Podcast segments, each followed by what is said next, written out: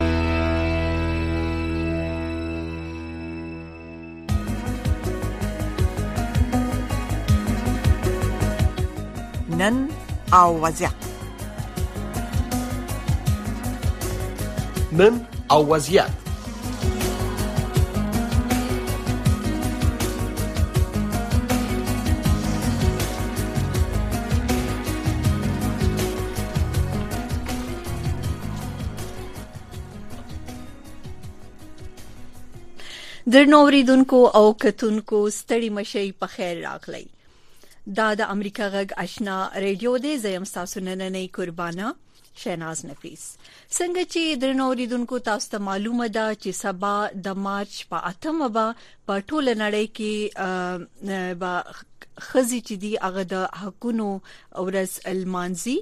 او په نړۍ کې به مرمنې ویل کیږي چې د دروسو په شانت په یو ځل بیا په دې روانه یوشتمه پیړۍ کې خپل پرمخ ای چې کم پرمختګ کړي دي هغه به المانزي او لا نورو مخکې تګ لپاره بغوښتنې چې دی هغه هم کوي خو نننې نن وضعیت پروګرام کې ومونږ دا ګورو چې دا ورځ چې دا سبانه ورځ دا د افغان مرمنو د پاره س مان لري په دې نننې پروګرام کې به مونږ بلنه ورکړې ده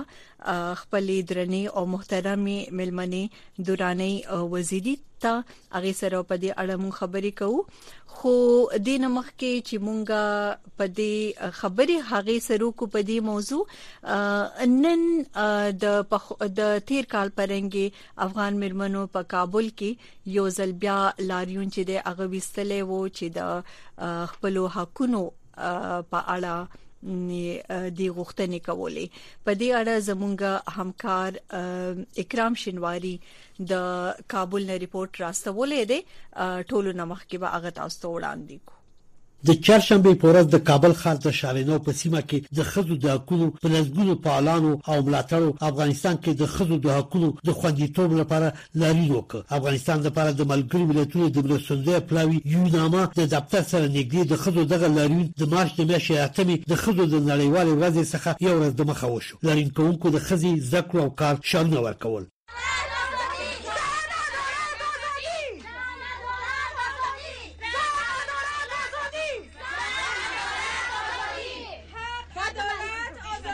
کابل کې د یوې اوږدې مودې وروسته د ښځو د حقونو فعالانو دا لاریون کړی دی دا لاریون په داسې حال کې شوی چې د ملګرو ملتونو عمومي منشي انتونیو ګوتریش په افغانستان کې د ښځو د وضعیت په اړه اندېښنې په څرګندولو سره ویلي چې افغان مېرمنې او نجونې ټولنه کې له عامه ژوند څخه حذف شوي دي ښاغلي ګوترېش د دوشنبې په ورځ د ښځو د وضعیت په اړه د ملګرو ملتونو د کمېسیون غونډې ته وویل چې د هغه مرستیالې مېرمن امینه محمد افغانستان ته په خپل وروستي سفر کې د ښځو د حقونو د خوندیتوب په اړه خپل پیغام د طالبانو د حکومت چارواکو ته رسولی دی. د ښځو د حقونو ځینې افغان فعالانې وایي چې دوی د طالبانو د حکومت لخوا د پرلهپسې محدودیتونو سره مخ دي. او ورکه په ټولنه کی د عامه ژوند څخه څنډیته شوی دی. د پوهنتون یوه محصلی ملالی امریکا غږ ته وویل چی نړیواله ټولنه دی ورسره مرسته وکړي تر څو طالبان د ښځو او انجونو د زده کړو او کار په ګډون د ښځو حقونه ورته ورکړي. د ښځو ورځ داسې وخت کې نړۍ کې لمانځل کېږي چې افغانستان او د ښځو او نجونو لپاره یې تنور دی. هېڅ حقونو ته لاسرسی نه لري او د زده کړو حق، د کار حق او نور ډېر حق. طالبانو ښځو ته بېخي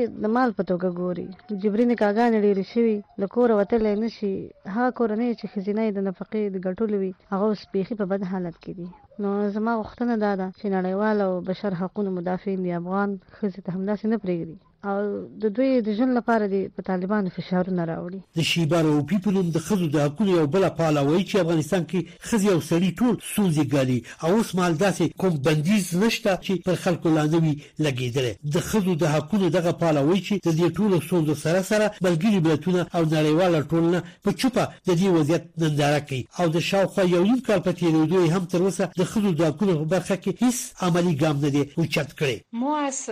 سازمان ملل، از کشورهای درگیر افغانستان توقع داریم، ناامید نمیشیم و افغانستان هم جزوی از کشورهای جهان به سازمان ملل ثبت است. نیاز است به تمام مشکلات افغانستان به تمام مشکلات مردم افغانستان رسیدگی صورت بگیره تا باعث شوه که مردم افغانستان با ملل جهان به تساوی بتانه من حیث بشر در اجتماع باشند. د طالبانو حکومت په پرله پسې ډول ویلي چې په افغانستان کې د ښځو د تعلیم په ګډون د اسلامي شریعت په چوکاټ کې د هغوی ټولو حقونو ته ژمن دي. د طالبانو د حکومت د لوړو زده کړو وزارت سرپرست مولوي ندا محمد ندیم کابل کې د ابتدا او قضا د تخصص د فارغانو یوې غونډې ته د سې شنبې په ورځ ویل چې افغانستان کې د ښځو او نجونو زده کړې منع شوي نه دي بلکې د هغه پر وینا د امریسالي پورې ځنډول شوي دي. په دې مسله کې خو په ابتدا کې چې جریانات وویل سول مطلق هلته د بندېدلو خبره نه ده سوې د امریسالي خبره سوې ده خو دا چې د افغانستان شرایطو ته وضعیت ته خلک نه ګوري بس خپل خواهش او فرمایش ته متوجه دي چې دا نو ولې بند سو دا نو ولې بند سو بیا ځای د خلکو افکار په خرابوي ذهنونه خرابوي دا به انصافي نه ده پکار ښاغلي ندیم وویل چې د لوړو زده کړو وزارت اوس هم د دغه وزارت د ښځینه استادانو په ګډون ټولو ښځینه کارکوونکو ته په کور معاشونه ورکوي د طالبانو حکومت د دوه زره یوویشت میلادي کال د اګست په میاشت کې واک ته د رسېدو وروسته یوازې نجونو ته تر شپږم ټولګي پورې د زده کړو اجازه ورکړې ده همداشان طالبانو حکومت د تېر میلادي کال په وروستۍ اونۍ کې په پوهنتونونو کې هم د نجونو پر زده کړو او په غیر حکومتي موسسو کې په کار باندې بندیزونه لګولي دي. د ښځو نړیواله ورځ په افغانستان کې د طالبانو په واکمنۍ کې د خځو بشري حقوق او مدني ازادۍ د خځو او جنکو ستونزو ته کتنه د مبارزو افغانو میرمنو هڅې او د خځو د حقوقو په حق له ځانګړي مرکه د خزو په نړیواله ورځ د مارچ په اتمه پر رادیو تلویزیون سپوږمکۍ او ټولنیزو رسنیو کې د امریکا غږ دغه ځانګړي خبرونه مه هېروئ يووارې بيا درنو اوریدونکو کتونکو پروګرام ته په خیر رالی درته وایم او تاسو ته زدا به وایم چې دورانه وزیری چې دا د پخوانی ولسمشر غنی ویان د پاتې شوې دا او د افغان خزو د حقونو لپاره اوس هم وخت په وخت خپل आवाज پورته کوي مرمن وزیری په خیر راغلی پروګرام ته مننه مېرمن نفیس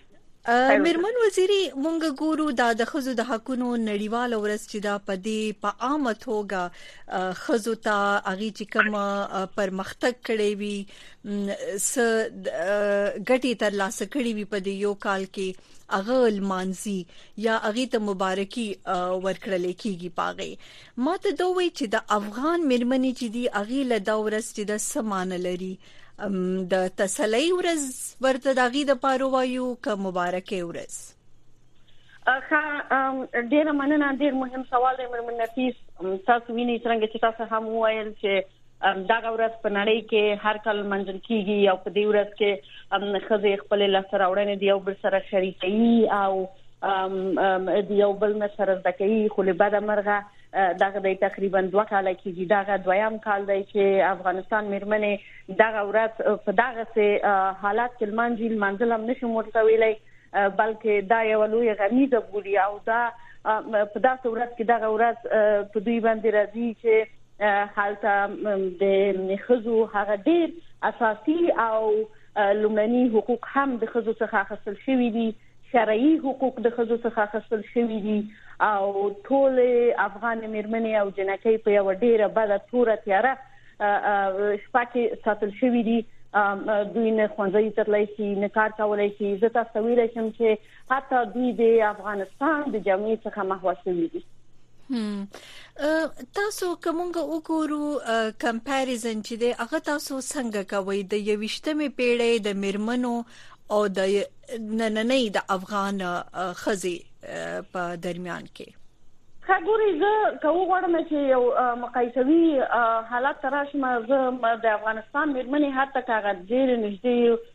ګاونډیو هیوادونو سره مقایسه کړم او بیا په دویمه حلقه کې د اسلامي هیوادونو سره مقایسه کړم هیله ده موږ په داسې یو شرایط کې چې اصلا دغه مقایسه د امکان وړ نه ده ولې چې په تیره دوره په جمهوریت کې تقریبا با وجود دې چې موږ څلويخ کاله جنگ هم ورسته تیر کړی وو خو بیا موږ یو ډیر په ښه حالت کې ورو ورو مخ ته راتللو مثلا زمونږ د خزو ګډون په پارلمان کې حتی هغه زمونږ په منطقه هیوادونو کې بنظیر وو یعنی موږ دومره ډیر زیات خزه په پارلمان کې درلودلې همدا رقم په قضا کې زمونږ د خزو ګډون ډیر بنظیر وو نسبت د همسایه ممالکو څخه اوس کرا شو تاسو وګورئ کا اسلامي ممالک وګورو حتی دا نور ډیر پر مختللي هیوادونه لکه اسیا کا اروپا او امریکا باندې به باس ونه کو صرف هغه غونډي هیوادونو او اسلامي هیوادونو اوس مخینه دومره ورځ په ورځ میاشت په میاشت کال په کال له سره وړنې لري چې دوی په ساينسي علومو کې په ټکنالوژي کې په نورو حتی په نظامی ډیرو سختو عملیاتو کې دوی ګډون کوي دوی ډیرې ښې طرحې لري په سیاست کې دوی داخلي دي دوی طرحې وړاندې کوي دوی فعال مبارزین پاتې شوي دي او مګم تاسو وینئ چې افغانستان کې بلکل تپه تیاره ده او هیڅ شی هم نشته حتی زمونږ یو ماشوم هم مکتب ته نشي تللی نو زه داسې فکر کوم چې ډیره سخته ده تاسو داسې یو شی یو داسې د یو هیواد میرمنې د نورو د ټولنې سره مقایسه کوي چې زمونږ هغه په بساط کې حتی هیڅ شی هم نشته مونږ تل اوس ډیره سپکه شوې ده مونږ اصلا د دې مقایسې وړ نه یو له بده مرغه مېرمن وزیري که مونږ وګورو دوه کال وشو چې طالبان واکمن شوي دي او د دوو کالو کې د نړۍ د خوا بیلابل هیوادونه چې دی اغي په طالبانو کافي ډیر فشار چې دی اغه واچولو په هر طریقه چې اغي کانې کې دی ته چې خزو ته حقونه چې دی اغه ورکړي دا غي کم حقونه چې دی خو د بده مرغه دونه د هغې نتیجه چې د مونږ ته نه ښکاري د دې شات تاسو علت یا علتونه څه ګوري طالبان چې دی د فشار ته جواب اوسه پوري ولې نه دی ویلې اصلا مېرمن نفیس زه داسې فکر کوم چې کوم خاص فشار په دوی باندې نه دی وارد شوی ښه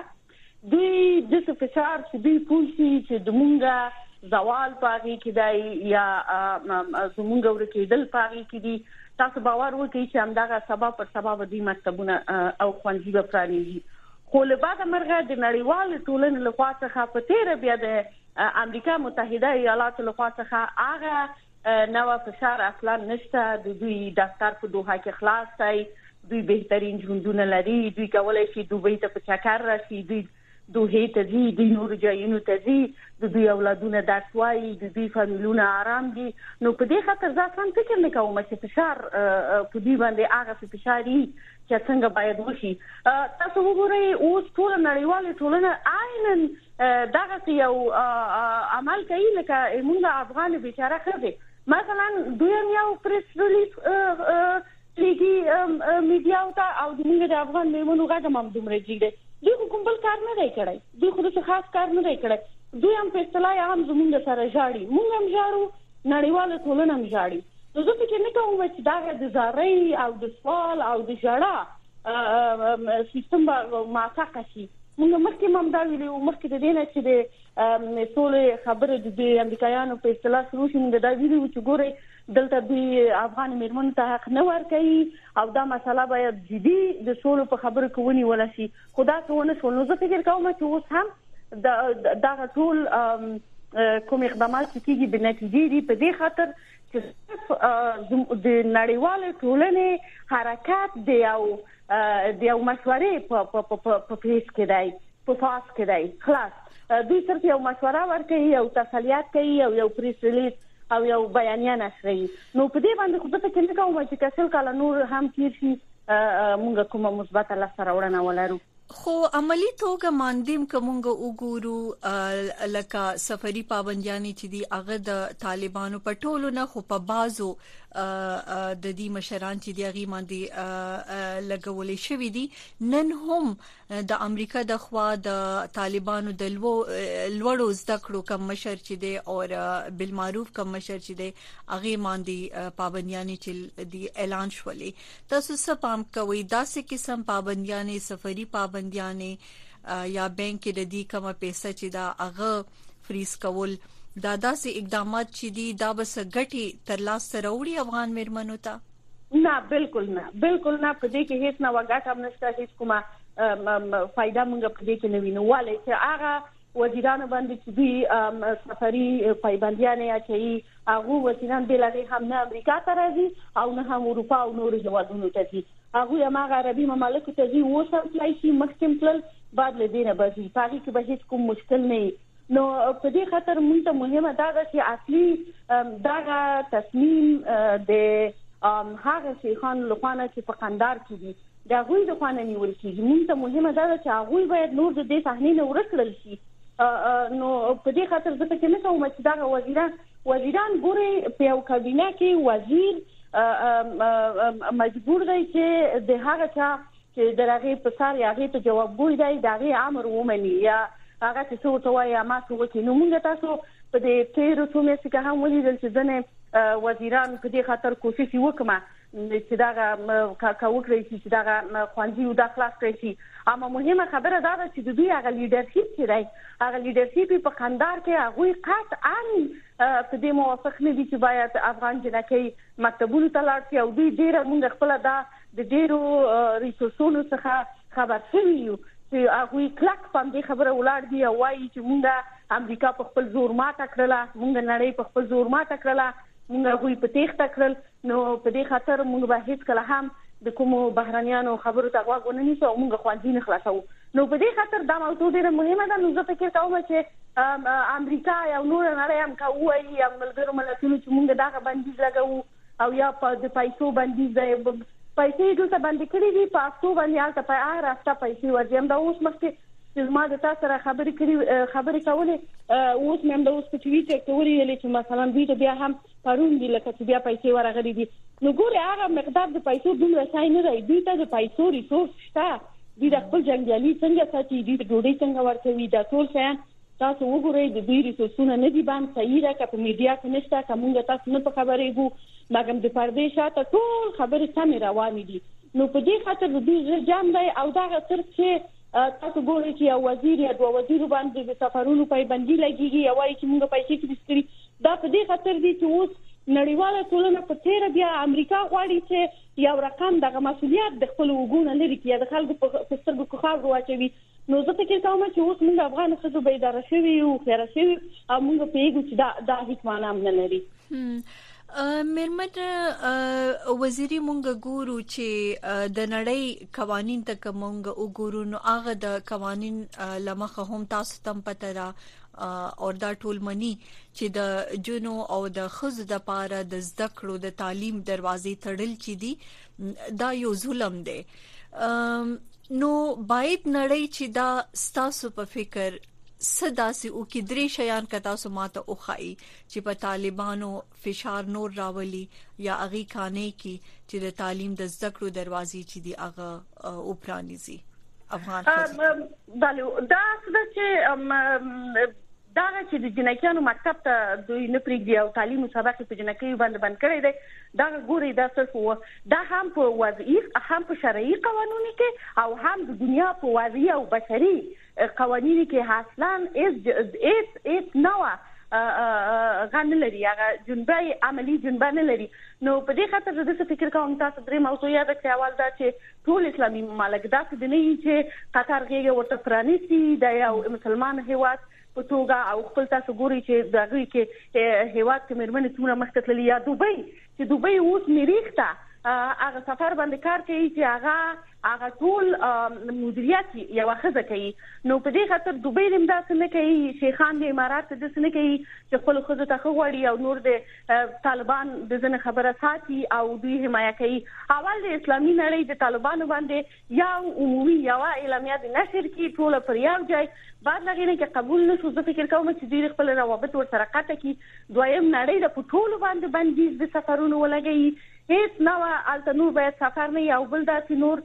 دغه خارجيان دی مالته چا یو کافی نه ورسره سکی په یو باندې په بل باندې هلته سفارتونه یی خلاص دي او دریم دا چې څومره کولای شي په دوی باندې فشار راوړي حتی زه تر دې حد هم تاسو ته ویلای شم چې کدوی وکړای شي چې الزوایری هلته په نخښه کې په نخښه دي کې دغه دغه دغه خاینین دغه شیخان چې دوی د وطن په ګټه نه دي دوی عام اسلام ته zarar رسوي عام وطن ته zarar رسوي عام افغانان په شرمونو وشرمول ان مونږ به عزت به ابرو کړلو نو زه وایم چې دوی د سم په نښه کړي همداسې چې الظواهري یې په نښه کړ همدغسې دې دا څو غټ غټ ملایان چې دوی اصلا نه په اسلام پوهېږي او نه په انسانیت پوهېږي په نښه په نښه دي کړي چې د دوی نه هم دنیا خلاصه شي او هم ټول افغانستان خلاص شي مېرمن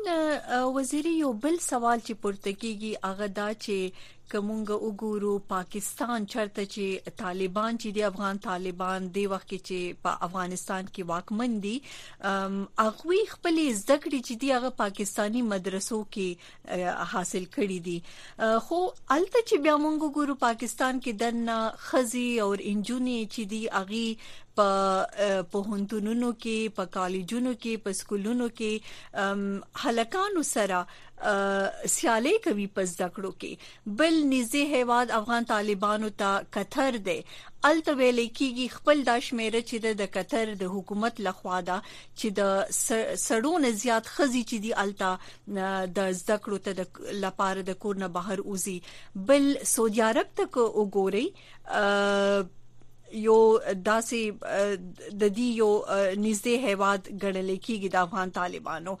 الته د خزو دنیا کې ټولو نه غټ پوهنتون چې دی هغه حالت لري په دغه هیواد کې نو دا خو اسلام سره دا ټول وایي چې دا دی سکوي دا اسلام سره سمون نه خوري نو د دې شاته بیا څه ویره کې دی شي د طالبانو یا څه سوچ فکر د دې دی خبره د څه ده چې که اول براسو د پاکستان ملایان ته ګوري د پاکستان ملایان هغه سیاستمداران دي هغه مونږه هیڅ کله هم د افغانستان د ملایانو سره برابرول نه شو هغه د هغه ته د پاکستان ګټ مهم دي حتی حتی دا کدس یو یو یو یو چیرته دوی یو موضوع چې هغه د اسلام او د وطن ګټ په مینځ کې وراشي نو زه په دې متأخنه یم چې دوی بلارسي هغه د وطن ګټو هغه هغه ځای به ونیسي نو د پاک د افغانستان ملایان دوی بي سواد دي دوی عمل ته په ماغه مدرسو کې تک فکر وکړي هغه اسناد چې دوی د مدرسو نه اخستي دي هغه په هیڅ اسلامي هیواد کې ماغه د قابل دي هغه هغه سرټیفای کیږي نه هغه د دوی سرټیفیکیټ چې دوی اخیستي دي نو په دې خاطر دوی یو بې سواده طایفه ده دوی عمر په غرو کې تیر شوی دی دا چې نه دی ویلای د درس نه لري پاتې شوی دي په هغه څو په پاکستاني مدرسو کې په دې خاطر چې د دماغ منطقي د سیاسي اهداف لپاره استعمال کړي عسكر وی اصلا دوی ته مونږ ملایان نشو ویلای دوی صرف سیاسي عسکر دي چې دوی هماغه منطقه د خپل ګټو په خاطر استفاده ورڅخه کوي او زه او که تاسو د قطر او یا د عربستان سعودي مثالونه راوړئ زه اصلا نشم کولای چې په دې مورد کې مقایسه وکم تاسو فکر وکړئ قطر نن کوم ځای ته رسیدلی دی سعودي کوم ځای ته رسیدلی دی هغوی تعلیم تحصیل د ښځو دپاره نو خو بیا همدا خبره ده کنه چې د همدغه اسلامي ممالک باوجود چې د دوی په هیوادونو کې هر نوع زمینه مساعده ده دوی ښځې اولادونه ټول عربان تللی شي مکتب ته درس لوستلی شي مګم څه مشکل چې دی هغه یې افغانستان ته جوړ کړی دی او په همدې خاطر زما زما پوښتنه هم دا ده چې ولې همدغه عربان همدغه غږ نه پورته کوي ولې دوی که په واقعا په افغانستان ښځو باندې زړه خوږیږي او واقعا دوی ته اسلام مهمي